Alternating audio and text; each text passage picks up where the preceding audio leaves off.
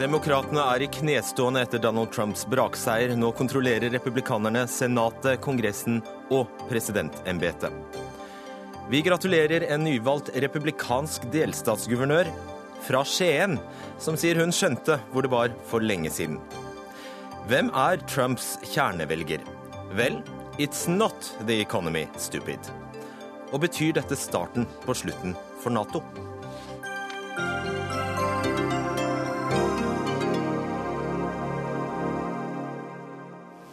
Donald Trump is going to be our president. We owe him an open mind and the chance to lead. Ja, det sa valgets vinner i form av antall stemmer for noen få minutter siden, men Hillary Clinton har nå erkjent valgnederlaget for Donald J. Trump. Den neste timen skal Dagsnytt 18 handle om Donald J. Trump, og at han blir den 45. presidenten i Amerikas forente stater. Jeg heter Fredrik Solvang. Med klar margin har han slått Hillary Clinton i et valg som sjokkerer og forbløffer en hel verden og halve USA. Men eh, Trumps seier ble feiret mange steder i natt, bl.a. i Edinburgh i Nord-Dakota, for der bor du, Janne Myrdal. Og vi gratulerer deg først som sist som ny republikansk delstatssenator. Ja, tusen takk, tusen takk, og hei til alle hjemme i Norge. Ja, det var en sein, sein natt her på Farmen i Edinburgh, Nord-Dakota. og... Vi vant eh, senatvalget ganske stort med 64 så og når Trump da senere på natta vant, så ble det ikke mye søvn her. Det ble champagne og glede og uh, mye snakk i dag til morgenen med både norsk media og rundt hele USA. Hvem er du, Janne Myrdal? Du, jeg var født uh, på Rjukan, eh, Telemark, ikke sant, og flytta til, til Skiensområdet som ungjente. Foreldrene mine og far jobba på Hydro. Jeg vokste opp i Norge, reiste ut fra Norge rundt eh, rett etter gymnaset, eller videregående som det nå heter, eh, i 81-82, og eh, var i misjons- og hjelpearbeider rundt omkring i verden. Og så endte jeg opp med kjærleiken her i Nord-Dakota med en farmer som heter Mark Myrdal. Og Myrdal det høres jo utrolig ut å møte en som heter Myrdal i, USA, ikke sant. Skulle heller være Smith og Jones, men han er Island, faren var islender, så der, der kommer Myrdal-vennen. Vært involvert i 20 år pluss her med forskjellige saker og ting både i Washington DC og her i Bismarck, men aldri stått og slikt valg før. Så, eh, så, eh, ja. Det var den historien. ja, det er bra. Og Nord-Dakota har altså 47 eh, senatorer. De samles annethvert år i som du sier, delstatshovedstaden Bismarck. Og da sitter forsamlingen i to-tre måneder av gangen og utarbeider bl.a. nye lover det man jo kan undres over når du forklarer din egen eh, bakgrunn og historie, hvordan eh, blir ei jente fra Rjukan eller Skien eh, vaskeekte republikaner? Ja, det, jeg er nok litt sånn erkekonservativ i forhold til norske, norske forhold. Du, jeg, jeg, tror verdiene egentlig kom fra, kom fra hjemmet mitt. Mor og far gikk både på Rjukan under verdenskrigen, og, og, jeg husker far bestandig sa kjemp for frihet, ikke sant? kjemp for demokrati og slike ting. Uh, og når jeg var som en kristen, så tror jeg de verdiene også har kommet sterkt uh, inn uh, i mitt liv. Så jeg er nok en sånn erkekonservativ, men har nok ganske nøkterne forhold til, til politikk som kanskje vi forstår mer hjemme i Norge. Men amerikanernes grunnleggende prinsipper, som vi da så vant i natt i Amerika, er ikke så sjokkerende for oss. Vi, vi så det skulle komme pga. Obama har vært veldig upopulær. Eh, selv om media i Europa spesielt sier at eh, han er populær, har vært veldig upopulær pga. Uh, politikken hans de siste to-tre åra. Jeg, jeg, tror amerikanerne og meg selv som har blitt amerikaner, går tilbake til grunnleggende prinsipper og verdier. og Det er ofte det som skjer når det er kriser både økonomisk og terrorisme, immigrasjon, slike ting. Vi folk tilbake til grunnleggende prinsipper, og det er det amerikanerne har gjort i går og i natt. Så ja, litt rart at jeg er erkekonservativ, men de som kjenner meg igjen i Skien, vet at uh, jeg er nøktern om visse ting nå, så, så det er nok ikke så skremmende. Du har jo jobbet for Trump-kampanjen i lang tid eh, og sier at du skjønte at dette kunne gå veien. Når, når forsto du det? Du, jeg, jeg, var en av de delegatene i, i, Cleveland som var unbound, som de kalte det. For Cruz, faktisk. Ted Cruz. Jeg kjempa hardt for han helt frem til det var slutt for han. Jeg var ikke veldig begeistra for Trump til, til, til å begynne med, men det er klart den samler seg rundt eh, kandidaten sin.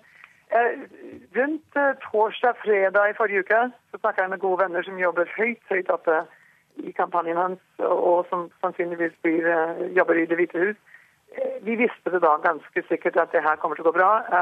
Men det er klart media uh, og alle de uh, the polls, som vi kaller det her, så du får unnskylde litt sånn amerikansk snakk her. Um, de bytta hardt, ikke sant? Ja, de bytta hardt for, uh, for, for, Trump, men jeg tror Wikileaks, alt det som har skjedd med, med Hillary det ble en, en folkeoppvekning her i Amerika med folk som ikke har, har stått og stemt på mange mange år. Som jeg sa til media hjemme i Telemark, de amerikanerne var drittlei uh, det tullet her. Og jeg tror de, de torde å gi Trump en sjanse. Og um, Trump har samla gode folk rundt seg. Siste to mannene, som er veldig konservative, sterke ledere. En av de fremste visepresidentkandidaten, eller nå visepresidenten, som blir Mike Pence. Jeg tror, uh, jeg tror, det går greit. Jeg tror det kommer til å se en Trump som er veldig uh, sterk, og, og, og vi får slutt på divisjonen som Obama har bygd hans eh, presidentskap. Og du selv må jo eh, legge til det da, at du selv gjorde et brakvalg, fikk 64% av stemmene mm, over din eh, demokratiske motkandidat. Hva var, hvordan, hva var forskjellen på valgkampene dere, dere førte? Du, jeg bestemte meg 311 dager siden når vi hoppa inn i den kampen her, for å være positiv og være ærlig. Og det har jeg bestandig sagt. Jeg er ikke noen politiker, jeg er en mamma, jeg er en farmer, jeg er en aktivist. Um, det du ser, er det du får. Jeg skal ikke ljuge og si og love ting og love penger og love ting som jeg ikke har skjønt. Så vi tok en veldig positiv uh, high road, som vi kaller det her i Amerika. Og vi angrep ikke om vi ikke ble angrepet selv. Og så, uh, så jobba vi hardt. Vi gikk dør til dør til dør til dør. Ungene mine, jeg, familien, uh, frivillige. Uh, vi jobba Det ble sagt at vi var den sterkeste, hardeste jobba kandidaten i. Så det er vel den norske arbeidsmoralen, og det har jeg fått eh, fra Telemark og fra, fra hjemmet mitt.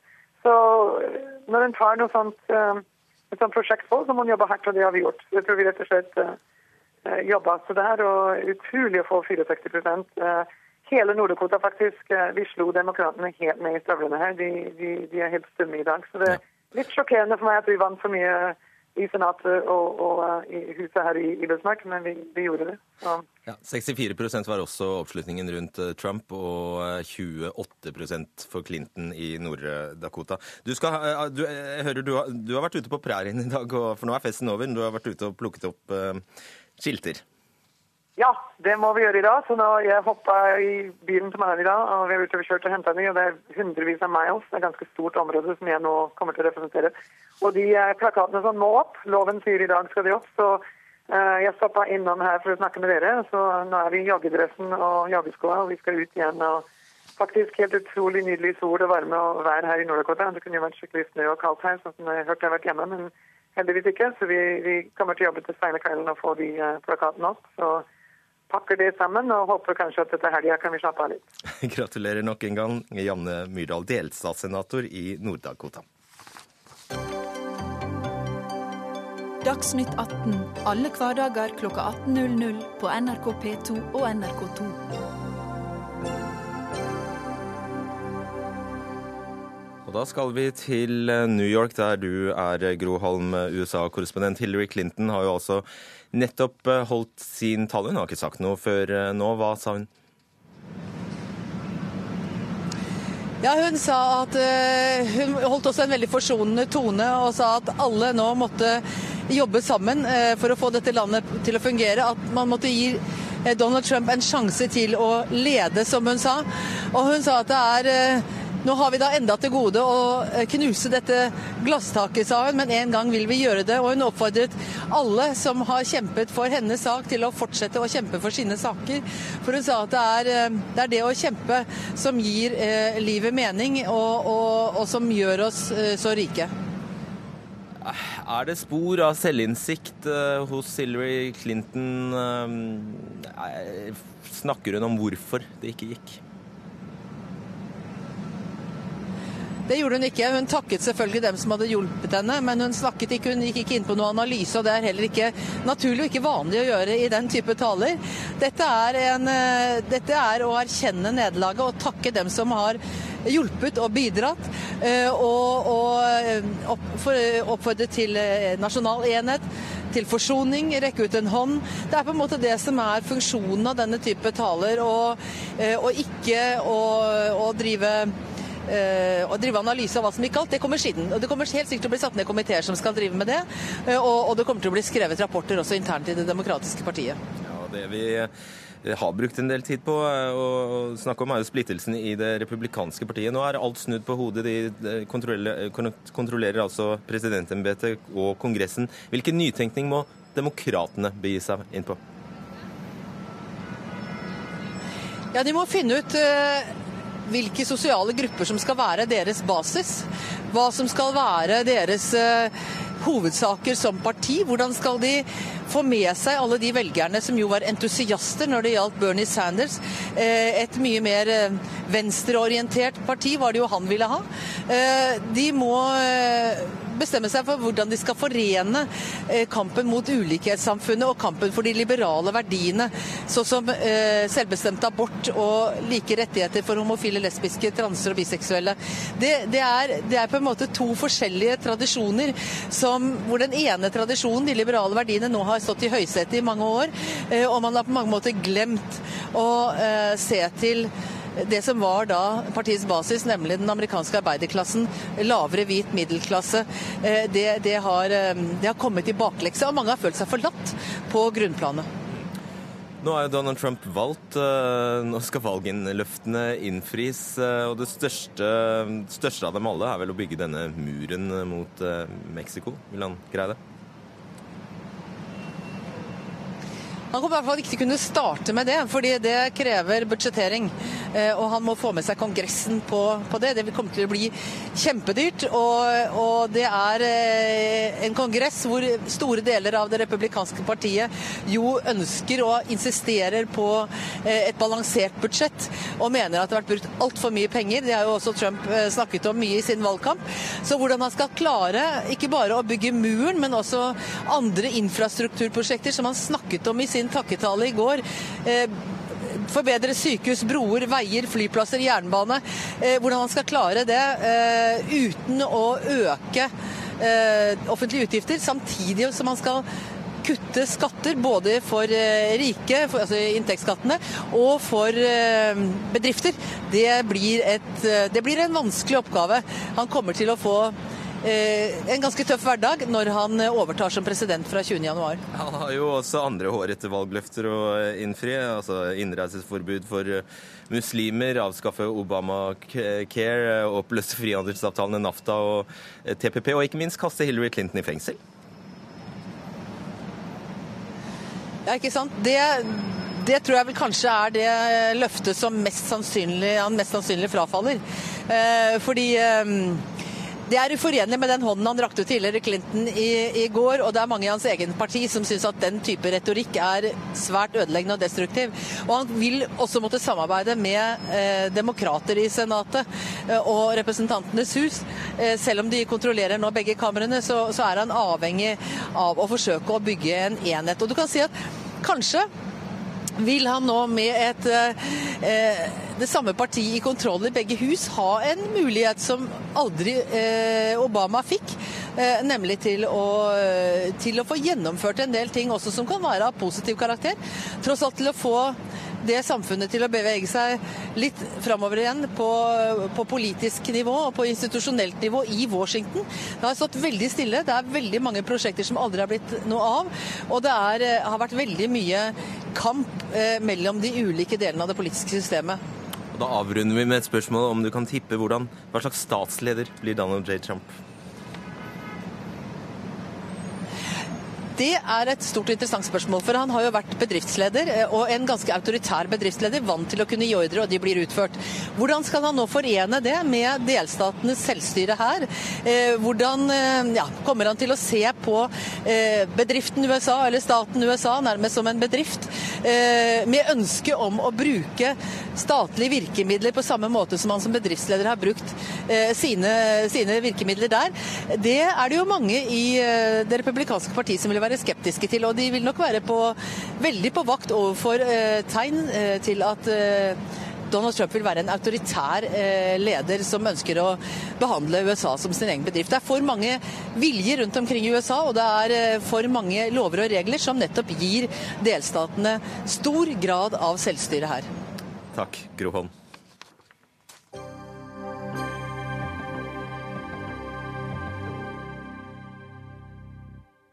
Hvite arbeiderklasseamerikanere sørget, for å si det sjablongmessig, for Trumps seier. Men eh, demokratene tapte sikre stater som Pennsylvania, Wisconsin og trolig også Michigan. Hillary Clinton vant byene, men gjorde det mye dårligere i forstedene enn Barack Obama gjorde i 2008 og i 2012. Og på landsbygda vant Trump noen steder med over 40 Lene Johansen, du er journalist, har jobbet i tolv år i USA, bl.a. i Midtvesten. Og eh, det har skjedd noe dramatisk her, fordi demokratene hadde godt grep om denne hvite arbeiderklassen. Og det har de hatt de siste tiårene, egentlig. Hva får dem nå til å stemme Trump? Nei, så jeg tror på en måte så føler de at, um, at de har blitt forlatt økonomisk. Men jeg tror også en av de tingene vi ikke har snakket så mye om, er jo at lokale myndigheter uh, egentlig ikke er så flinke til å gi dem de tjenestene som de egentlig betaler for via skatteseddelen lenger. Mange av de offentlige ansatte har blitt en sånn egen klasse. De får mye høyere lønn, mye lengre ferie, mye bedre sånn uh, goder enn det ansatte i private med tilsvarende jobber har. Så, så det er noe med at eh, ja, den delstad, eller det offentlige er ikke nødvendigvis så vennligsinnet som vi er vant med her hjemme. Hmm. Uh, altså du, I februar sa du at du var sikker på at Trump ville vinne. I mai mistet du troen på ham, og siden har du uh, mer eller mindre bare sittet og ventet. For et par uker siden sier du, så hadde du et brexit-øyeblikk.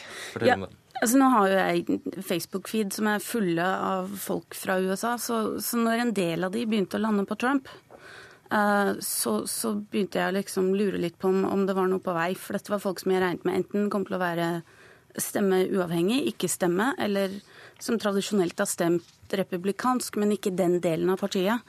Uh, blant annet så er det jo en, en journalist jeg kjenner som nå er i 70-årene, men han har jobbet mange år i Europa, han er gift med en europeer tilhører disse Washington-elitene. Han, han, hadde da stemt på Trump bare for å, på trass, og så stemte han demokratisk på resten. og Det la han ut på Facebook. og det var da bare sånn, Hvis han gjør det Hva var det han viste fingeren til, da?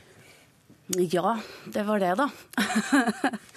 altså, igjen så er det noe med, med dette at offentlige myndigheter, myndigheter i USA, de, de, de er ikke sånn som vi tenker på offentlige myndigheter her. Nina Bryn, du er lege hos eh, Lommelegen, er også journalist faktisk. Eh, har hatt privat legepraksis og jobbet på sykehus eh, i USA i 30 år. Også du mener det som skjer i USA nå kan sammenlignes med altså at det er en amerikansk brexit, og du sier folk føler seg tråkket på. Hva betyr det? Uh, ja, altså jeg tror også uh, Jeg tror dette er egentlig et veldig forutsigbart valg. Jeg tror det er et typisk valg i amerikanske øyemed. Hvis du ser på de siste presidentene vi har valgt, så velger amerikanere veldig ofte såkalt anti-establishment, anti-etablissement. Eh, alle de siste presidentene har presentert seg selv som eh, en mann, for det har vært menn, som ikke hadde noen eh, bindinger til Washington, og som kom som sin egen herre. Det har de nå gjort igjen med Trump. Og det snakker litt til folkesjelen i USA. Amerikanere er individualister. De liker uh, ideen om at de kan klare å gjøre det meste hvis de bare får frihet til å gjøre det. Mindre regulering, mindre tankepoliti. Generelt frihet. Og, når vi snakker om at de føler seg tråkket på, så tror jeg det er uh, tre eksempler på uh, hvordan de har opp, liksom både følt seg tråkket på og følt at deres frihet har blitt skrenket inn.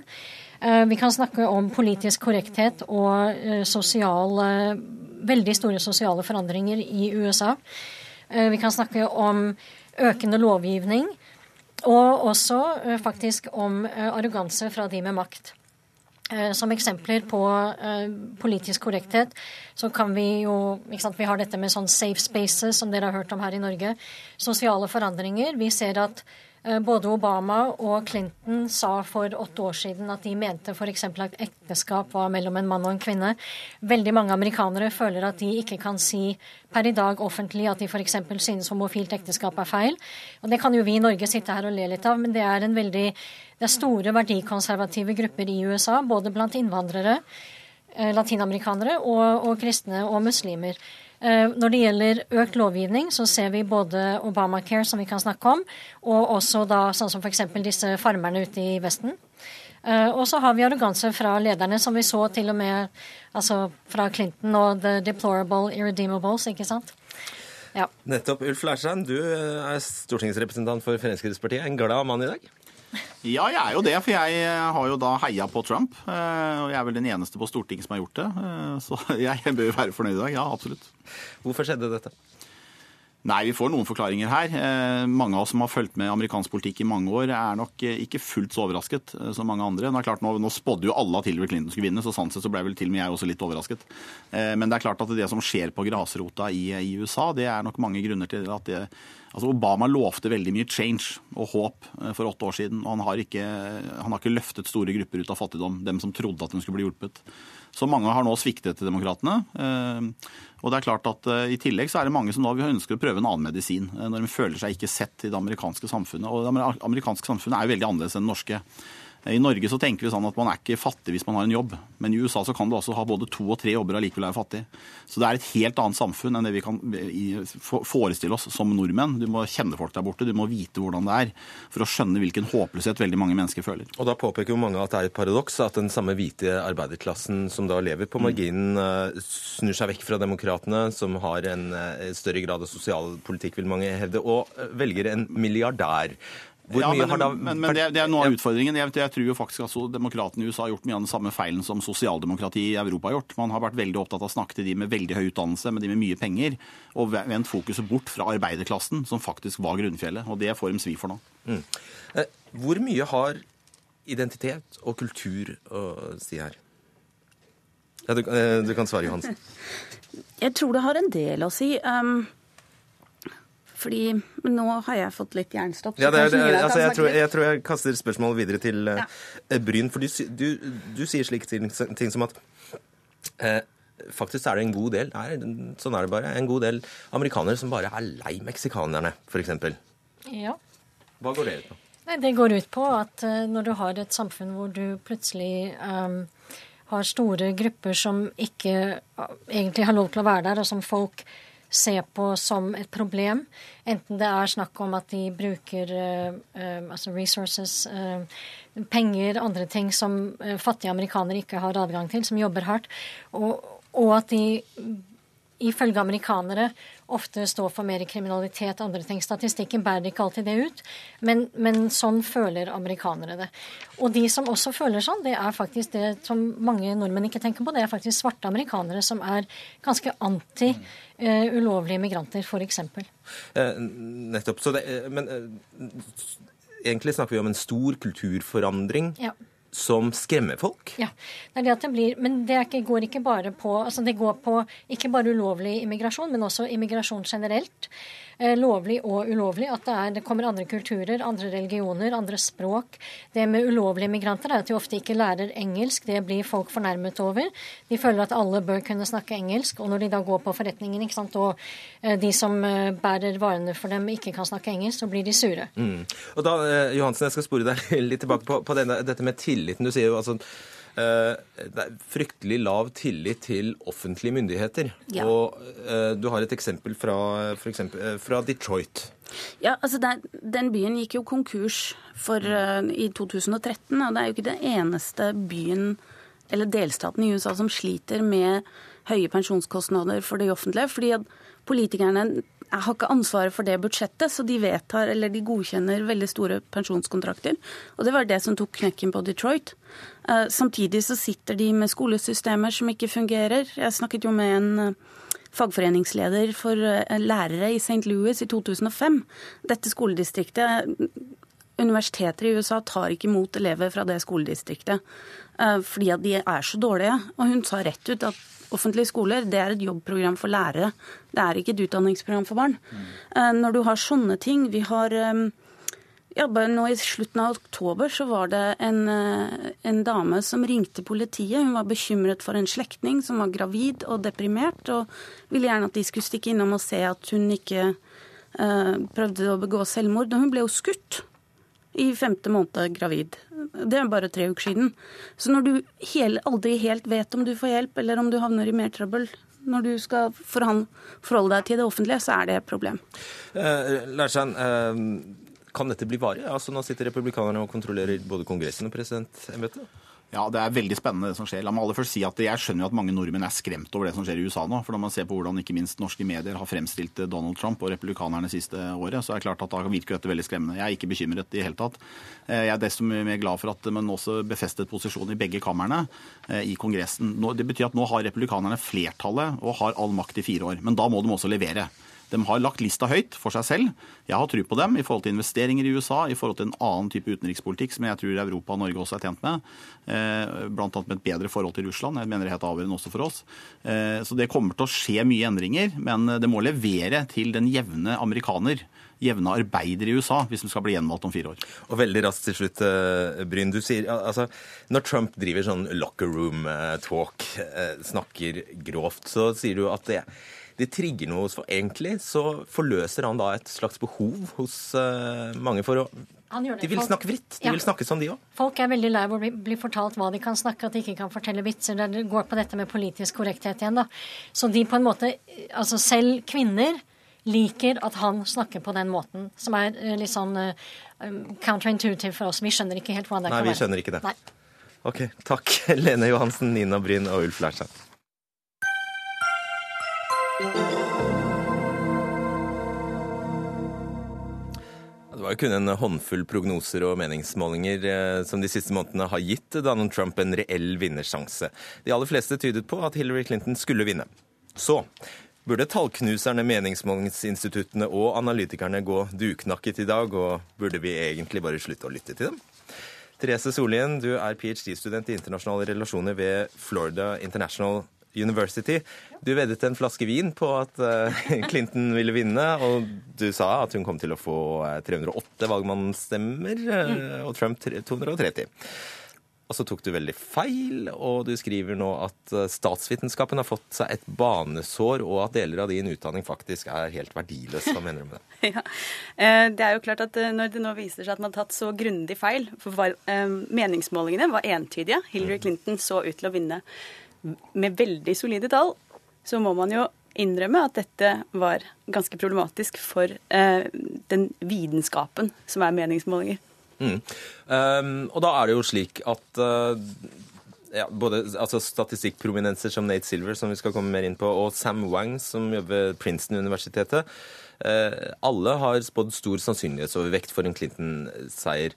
Da sier du at meningsmålingsindustrien har en svært dårlig dag. Ja, det er, ikke, det er, ikke, morsomt å være Sam Wang i dag, tror jeg. Han hadde sagt på Twitter for en uke siden at eh, hvis Donald Trump fikk mer enn 240 valgmannsstemmer, så skulle han spise et insekt. Så det, det kan han jo hygge seg med i dag. Hva kommer det av? Altså, du, nevnt, du nevner eh, fasttelefon som et stikkord. Ja, jeg tror det er tre ting som er gått galt her. Det første handler om metoden, hvor man til dels fremdeles i veldig sterk grad belager seg på fasttelefon som et instrument for å hente inn, hente inn data. Og det er jo slik at uh, det er veldig få som har fasttelefon. Um, I år har det bare vært 0,9% av de som er blitt oppringt, som, er, som har svart.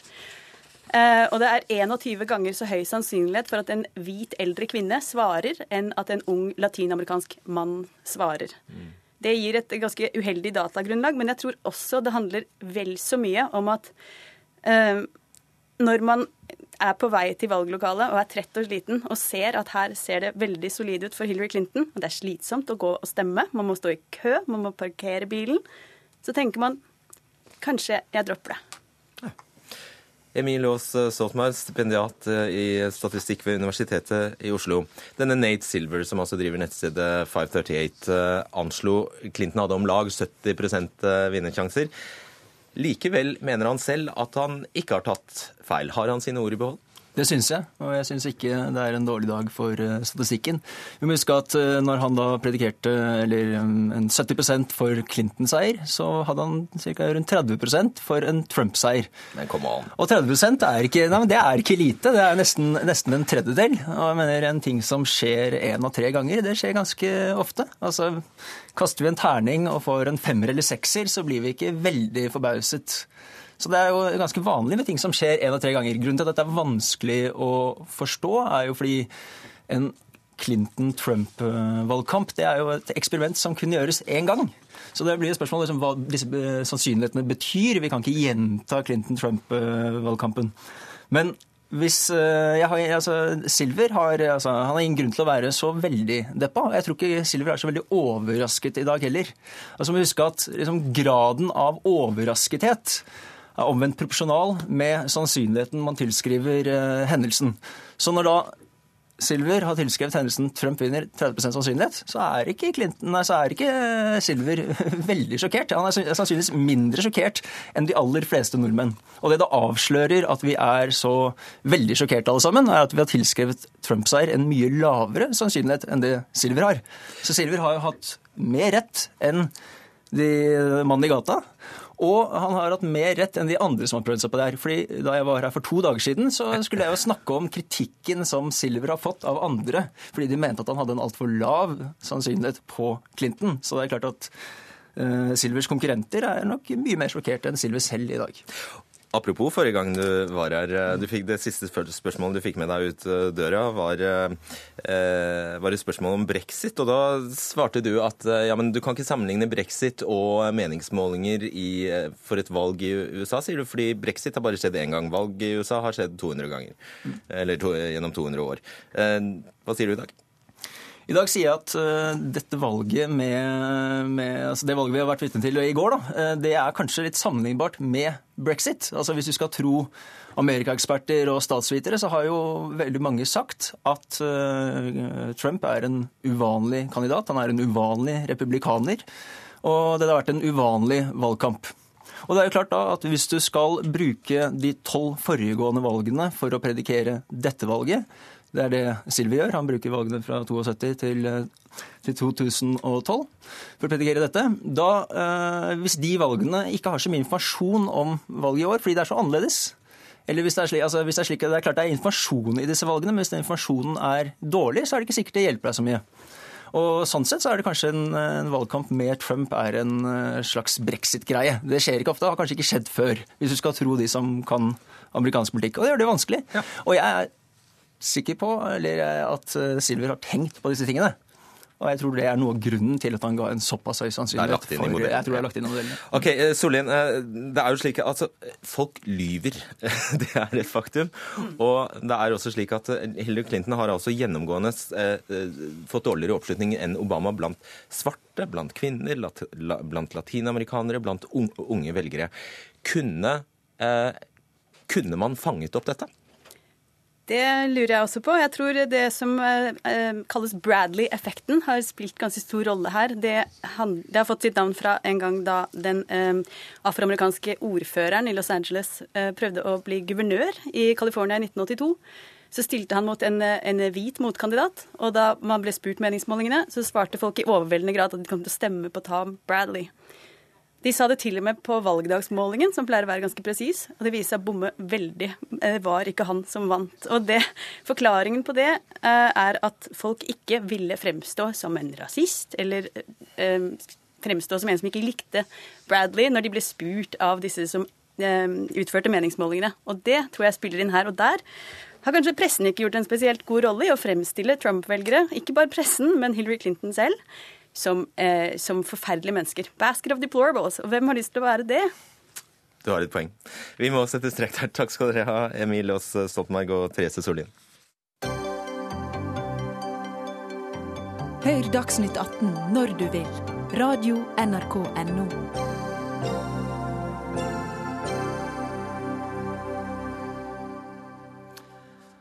Ja, for i dag er jo dagen hvor vi prøver å forstå hvordan det amerikanske folket kunne velge en president som vil bygge en mur mot Mexico, og som skryter av å ha befølt kvinner mot deres vilje.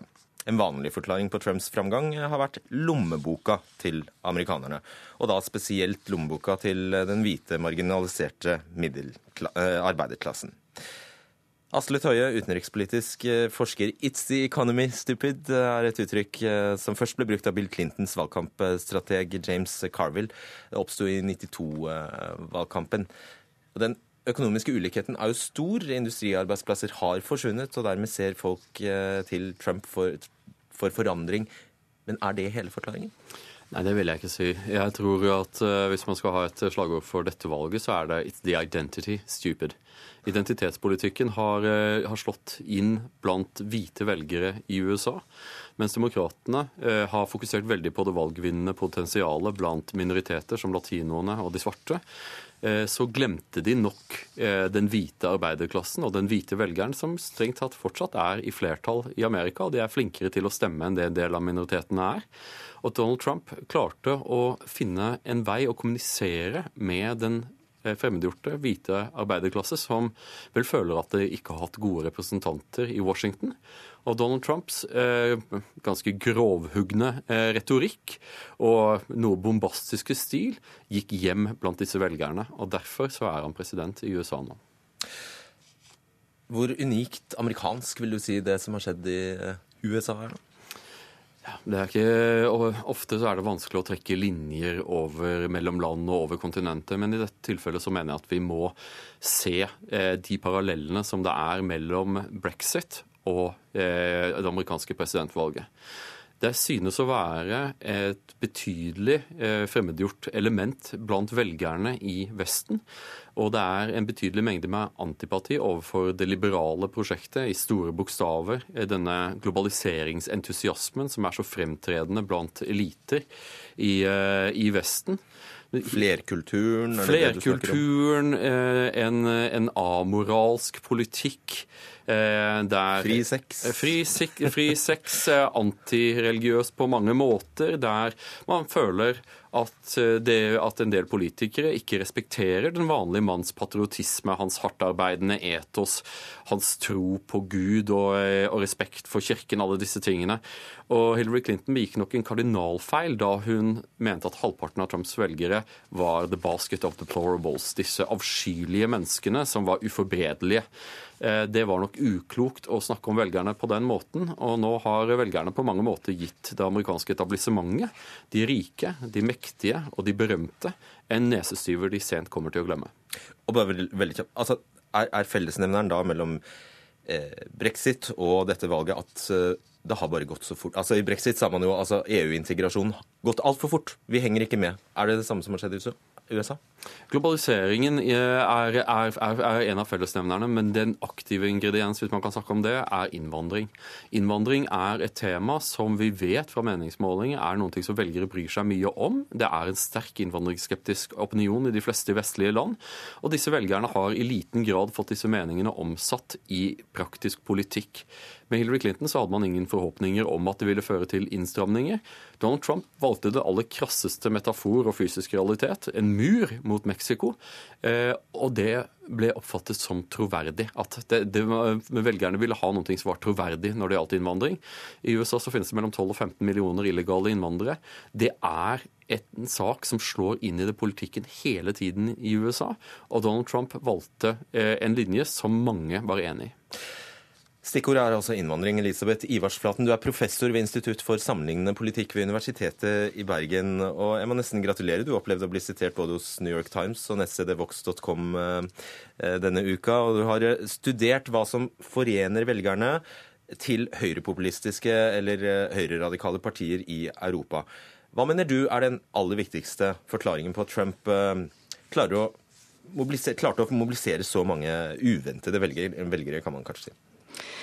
Ja, nå, nå, er det jo sånn at Jeg har jo ikke gjort noe uavhengig studie av noe, noe eget studie av det som foregår i USA. da.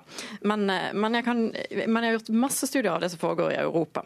Og så er det jo veldig mange som trekker disse linjene som dere nettopp snakket om nå, mellom det som har skjedd med høyrepopulistisk mobilisering og brexit i Europa, og det som har foregått i, i USA. Og Det er jo derfor forskningen min plutselig ble interessant for både Vox og New York Times, nettopp fordi at de, de ser at det som har skjedd i Europa, plutselig var relevant for å mm. Forstå situasjonen i USA.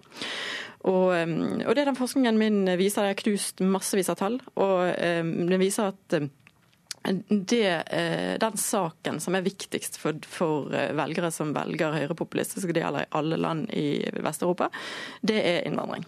Og det er ingen andre saker som har den samme kraften i, i å bestemme valget for, for, de personene som ender opp med å støtte høyrepopulister. Og det er heller ingen annen sak som så konsekvent henger sammen med disse partiene. Hvis du, du kan trekke en sånn parallell hvis du tenker på at alle som stemmer på grønne partier, bryr seg om klima og miljø. Eh, så er det også sånn at alle som stemmer på høyrepopulistiske partier på et eller annet plan, bryr seg om innvandringen, og de liker det ikke. Eh, det utelukker vel ikke at det også kan dreie seg om økonomi, det bare betyr at eh, det rangerer mye lavere, eller? Ja, men Det dreier seg iallfall ikke bare om økonomi. Så det, det som eh, Vi har gått gjennom disse studiene med tanke på å finne ut ok, hva, hva med, med eliteforakt eller tap av muligheter, arbeidsledighet, eh, det, har, det, går verre økonomisk i land eller for en selv, eller den typen forklaringer. Vi har, eh, vi har, sett ganske nøye og ganske mye på det, fordi at det er en veldig fremtredende forklaringsmodell som mange gjentatte ganger i de ulike landene kommer tilbake til. Den har bare rett og slett ikke så mye kraft i seg. Eh, det stemmer ikke. Til å forklare. Ja, eh, jeg vil ikke si det så sterkt. Jeg vil si det sånn det stemmer, det stemmer aldri alene. Så, eh, så innvandrere Og det, det, er ofte sånn at det ikke er til stede denne altså det, det, er ofte sånn at det går relativt bra økonomisk i et land eller for personer som så velger å stemme høyrepopulistisk, i frykt for å miste det de har som de opplever som bra. Så da stemmer det altså, Kan du være med på at uh, it's the identity stupid? Um, ja, i alle fall at eh, det er et mye mye større eh, innslag av fremmedfrykt i det som foregår nå, enn det som har vært vanlig å forstå. Da. At det kommer tydeligere fram i dataene når vi ser på de, enn det du gjerne hører i diskusjon og debatt. Men Toje, USA er et innvandringsland?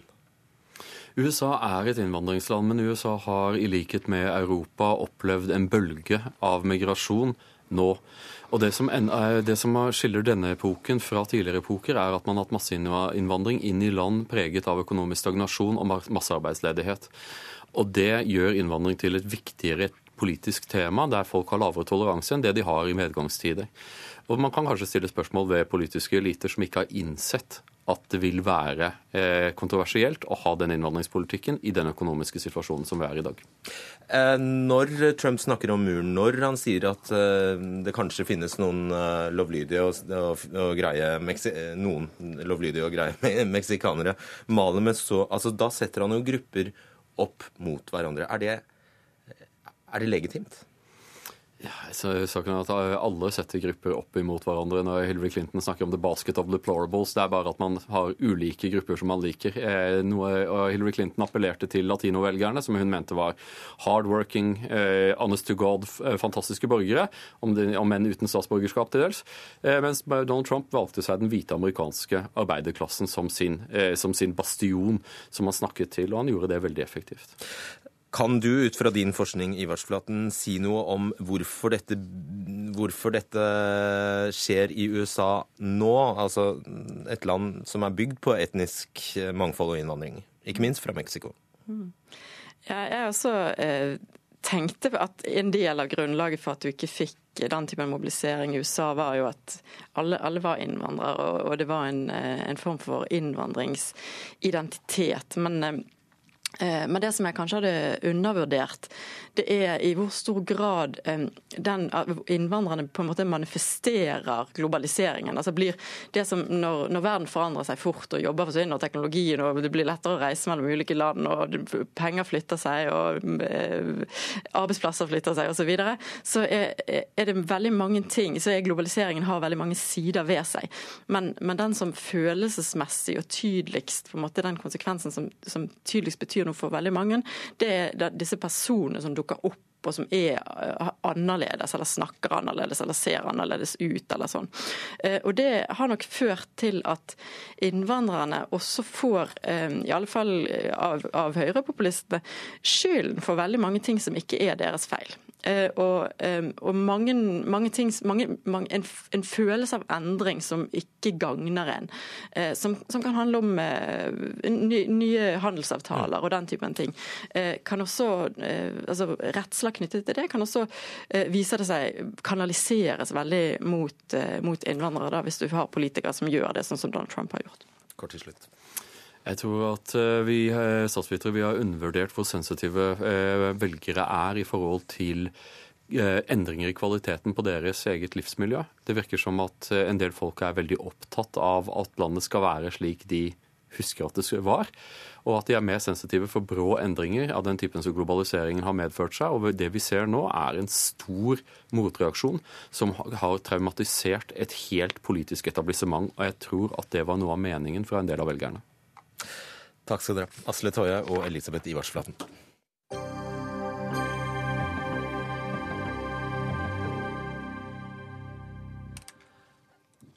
Det er nok ikke utenrikspolitikken han har snakket mest om i eh, valgkampen, men USAs neste president har sagt at han, blant, eh, at han vil styre USA mot mer isolasjon og slutte å opptre som verdens politi.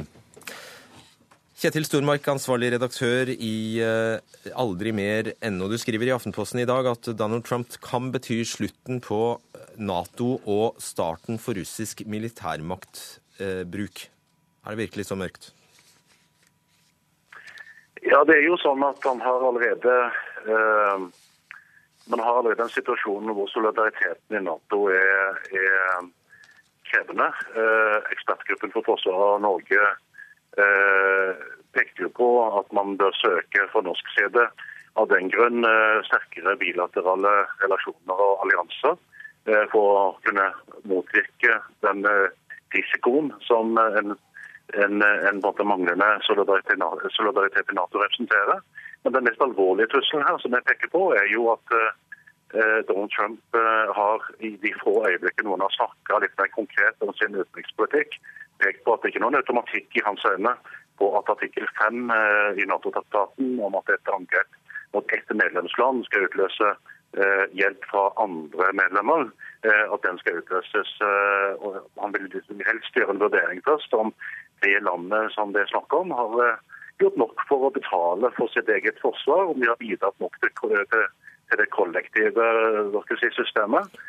Og Det skaper jo en, en betydelig usikkerhet rundt om Nato, da, verdien av Nato. om du du kan ikke planlegge et nasjonalt forsvar for Norge og andre land hvis du har en betydelig usikkerhet knytta til om Nato, selve forutsetningen for Nato-alliansen eh, skal fungere på den måten som er tenkt, og, den, det sterkeste landet i Nato eh, etablerer usikkerhet rundt det.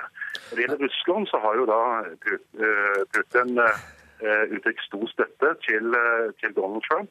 Etterretningstjenesten i USA har pekt på at det åpenbart er Russland som står bak flere hackerangrep mot demokratiske e-postservere eh, og e-poster som har blitt lekka til amerikanske medier eh, via Wikileaks eh, med den hensikt å, å, hjelpe Donald Trump i valgkampen. Og Donald Trump har ut, uttalt seg svært undrende og, og, har sagt mye som, som, tyder på at han eh, trolig vil kunne føre en mer imøtekommende politikk overfor Russland. Vi har så mange som må slippe Jeg beklager, men vi har så mange som må slippe til. Så jeg, må, jeg bare avbryter der jeg hører med deg, Julie Wilhelmsen, seniorforsker ved NUPI. Er det så, er det så livsfarlig som Stormark skal ha til dette her?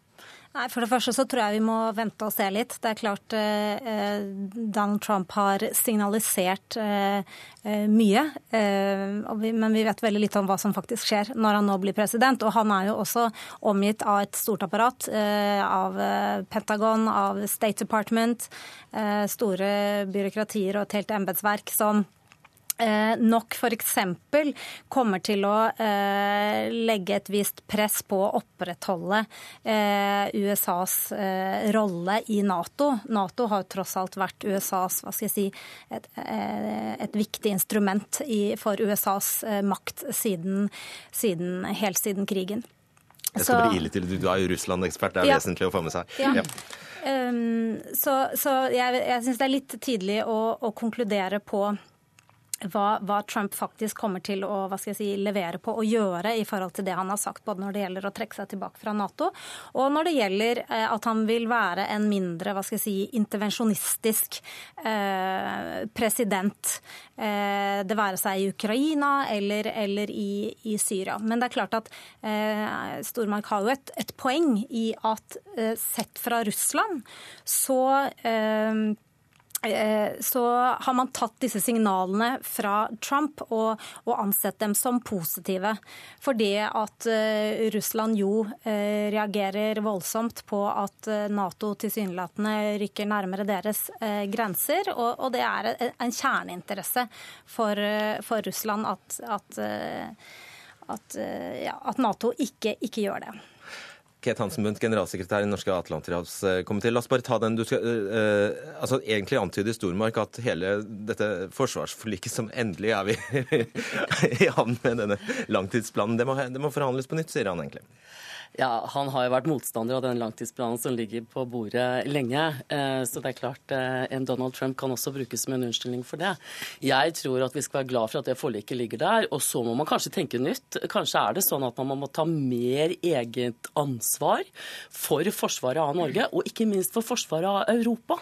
For altså spørsmålet om burdensharing, byrdefordeling internt i Nato, har jo ligget der lenge. Det var til og med en spørsmål under den kalde krigen. Robert Gates, tidligere forsvars forsvarsminister gikk av i 2011 og sa at nå måtte europeerne betale mer. Det var jo derfor vi havnet i Wales og Warszawa med en forpliktet ramme på 2% av bruttonasjonalprodukt fra alle Nato-medlemmer. Så ditt budskap er egentlig slapp av, eller? Jeg mener jo at dette spørsmålet ville ha kommet også med Hillary Clinton. Eh, Hillary Clinton var utfordret av en som het Bernie Sanders, vi må ikke glemme det, eh, før hun ble eh, den eneste kandidaten. Og han og Donald Trump ble på en måte båret frem av noe av den samme bølgen internt i USA. Nemlig eh, disse eh, menneskene som har tapt i globaliseringen, som er anti-establishment, anti-Washington. Eh, og de må på en måte man er nødt til å skape en politikk hvor disse menneskene får arbeidsplasser, hvor de begynner å tjene penger igjen, hvor de blir inkludert i systemet. Da kan man ikke bruke alle amerikanske skattekroner til å sikre Europas sikkerhet når man har land som Tyskland, Frankrike med store bruttonasjonalprodukt, sier Donald Trump. Sier Donald Trump. Børge Brende, utenriksminister fra Høyre, velkommen hit. Vi skal først høre hva du sa i Politisk kvarter 15. august. Mange av de uttalelsene han kommer med, eh, skaper eh, uro. Og det er jo også slik at man nesten ikke tror eh, det man hører. Men vi har jo ingen tradisjon i Norge for å gå inn i andre lands valgprosesser. Men situasjonen knytta til noen av disse utspillene til Trump er jo såpass ekstraordinær at jeg har også valgt å ta til motmæle. Ja, og konteksten her er altså at du snakker om Nato og, og sikkerhetspolitikk. Står du inne for det?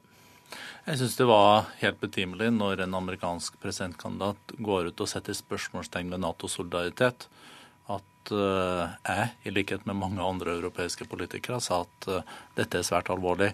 Men nå må vi jo ikke gjøre den situasjonen som har oppstått, uh, verre og vanskeligere enn den er. Fordi like etter at flere europeiske politikere og amerikanske politikere hadde reagert da Trump kom med disse Nato-uttalelsene sine, så nyanserte han seg og sa at nå hadde Nato endra seg, slik at han står bak artikkel 5 og Nato-solidariteten, men han forutsetter at europeiske land skal ta større ansvar for sin egen sikkerhet. Og det bør vi ut ifra eh, selvsagt at eh, USA ikke kan ta hele eh, og så stor del av byrden. Men det er også i vår egeninteresse, for det kan oppstå situasjoner i vår nærhet hvor det er et atlanterhav mellom USA og disse spørsmålene, og hvor det er i vår egeninteresse å øke vår forsvarsevne. Uh, skal, ja. uh, Marte Heian Engdahl, du er førsteamanuensis ved Universitetet i Oslo, forsker på Midtøsten. En president Trump er omtrent det siste Midtøsten uh, trenger, sier du? ja, det er jo en veldig ustabil eh, region med plenty av eh, konflikt fra før. Og der den uforutsigbarheten, for jeg tror det er det som er, uten at vi skal begynne å hyperventilere helt ennå, at det er uforutsigbarheten ved president Trump som gjør at folk blir bekymra. Så klart, vi vet rett og slett ikke hvor det bærer. Og da er det, Hva er det vi snakker om? da? Er det, er det, er det Syria? Er det Israel? Hva er det, som er viktigst? Det er mange ting. Men eh, Syriakrisen er åpenbart veldig viktig. Hva skal USA gjøre? Det handler om hvilken rolle skal USA ha i verden, og ikke minst forholdet til Russland utspiller seg jo veldig i den krisen her. I tillegg til det så er det forholdet til nære allierte, som Israel og Saudi-Arabia, eh, og Tyrkia eh, inkludert. Og så er det denne Iran-avtalen, som har vært det tydeligste, kanskje, som Trump har vært eh, veldig motstander av. Uttalt at den avtalen rives i to idet han blir president. Eh, nå er det selvfølgelig mer komplisert enn som så. Det er en multilateral avtale. Ikke bare USA som er part i den. Eh, og ikke uten videre eh, å bare trekke seg fra den heller. I alle fall, En ting som er verdt å følge nøye med på, er hvordan han agerer i akkurat det spørsmålet. Mm. Eh, altså for, no, for, noen få dager siden så sa du til NTB at uh, risikoen for konflikt og krigshandlinger mellom Russland og Vesten ville øke hvis Clinton ble, ble valgt. Ja, altså Clinton ville jo vært en hva skal jeg si, sammen, eh, samlende figur for den vestlige, liberale eh, eliten, og, og, kanskje internt i, i, i, USA også, i større grad enn det Trump er. Og samtidig, hvis du ser på eh, de sakene hun har talt for som utenriksminister, så er det klart at, at på noen punkter så, så, vil sjansen for konflikt bli større. og Da ser jeg det selvfølgelig eh, i sammenheng med hvordan Russland ser på ting. og Da er det spesielt to, to konflikter som eh, utpeker seg. Det ene er i, i Ukraina, hvor eh, Clinton tidligere tok til orde for å bevæpne Kiev med tyngre våpen for å nedkjempe de russiskstøttede separatistene i, i Øst-Ukraina. Det ville definitivt kunne gjøre en sånn type politikk, ville ha gjort, skapt en varm krig krig i Ukraina. Det samme ser vi eh, i Syria, hvor eh, Clinton har tatt til orde eh, for å støtte den såkalt moderate opposisjonen og muligens innføre en flyforbudssone, slik situasjonen er i dag, hvor vi har en russisk intervensjon for å støtte opp om, eh, om Assad. Ville vi med en flyforbudssone veldig raskt havne i en, i en varm krig i Syria, en slags stedfortrederkrig. Eh, Eh, ja, altså Hillary Clinton har vært eh, utenriksminister, og hun har eh, både vist og talt om at militærmakt er et egnet redskap i løsning av internasjonale konflikter. Det jeg hadde lyst til å understreke, var de strategiske konsekvensene av en Trump, hvis man skal ta det så høyt, kan jo være at man mister sånn Eller at USAs rolle som en internasjonal stabilisator som han har hatt gjennom hele etterkrigsperioden, kan stille spørsmål ved. Fordi han nettopp har eh, uttrykt at han vil trekke seg tilbake fra en del av de konfliktene hvor USA tidligere har spilt en, en stor rolle. Og det er viktig, fordi Verden trenger et USA som bryr seg. Og det har vi også sett under Obama at har vært problematisk, der hvor han ikke har stått ved sine røde streker. Og der, bare avslutningsvis, Børge Brende, der sier jo Trump i talen at han eh, vil deal fairly with everyone, including all other nations. Er det, er det betryggende? Er det nok? Jeg syns den talen han holdt uh, i natt, uh, var oppløftende. Hvor han sa at han skal være en president for alle amerikanere. Det vil også eh, innebære minoriteter, og at han vil forsøke å bygge broer både internt og ut i verden. Men når det gjelder det konkrete, f.eks. For forholdet til Russland, så viser jo all erfaring at eh, hvis man eh, skal bidra til stabilisering og fred og frihet over tid, så må jo Nato og de som står opp for de prinsippene som dreier seg om menneskerettigheter, pressefrihet, ytringsfrihet og ikke minst folkeretten, må jo stå sammen og vise svakhet overfor eh, de som forsøker eh, å svekke de verdiene, det eh, er en veldig lite farbar vei, og da gjør man seg sjøl en bjørnetjeneste. Så det blir viktig at Trump også omgir seg med republikanere eh, som har en lang tradisjon eh, for en ansvarlig russlandspolitikk. Vi kommer tilbake til temaet helt uh, sikkert, og helt sikkert ganske snart også. Tusen takk skal alle dere ha. Dagsnytt 18 er slutt for i dag. Vi minner om at Urix og Debatten har en nachspiel-sending om det amerikanske presidentvalget, og den starter klokka 21.30 på NRK1 i kveld. Fredrik Lauritzen var ansvarlig for denne sendingen. Lisbeth Sellereite var i teknikken, og jeg heter Fredrik Solvang.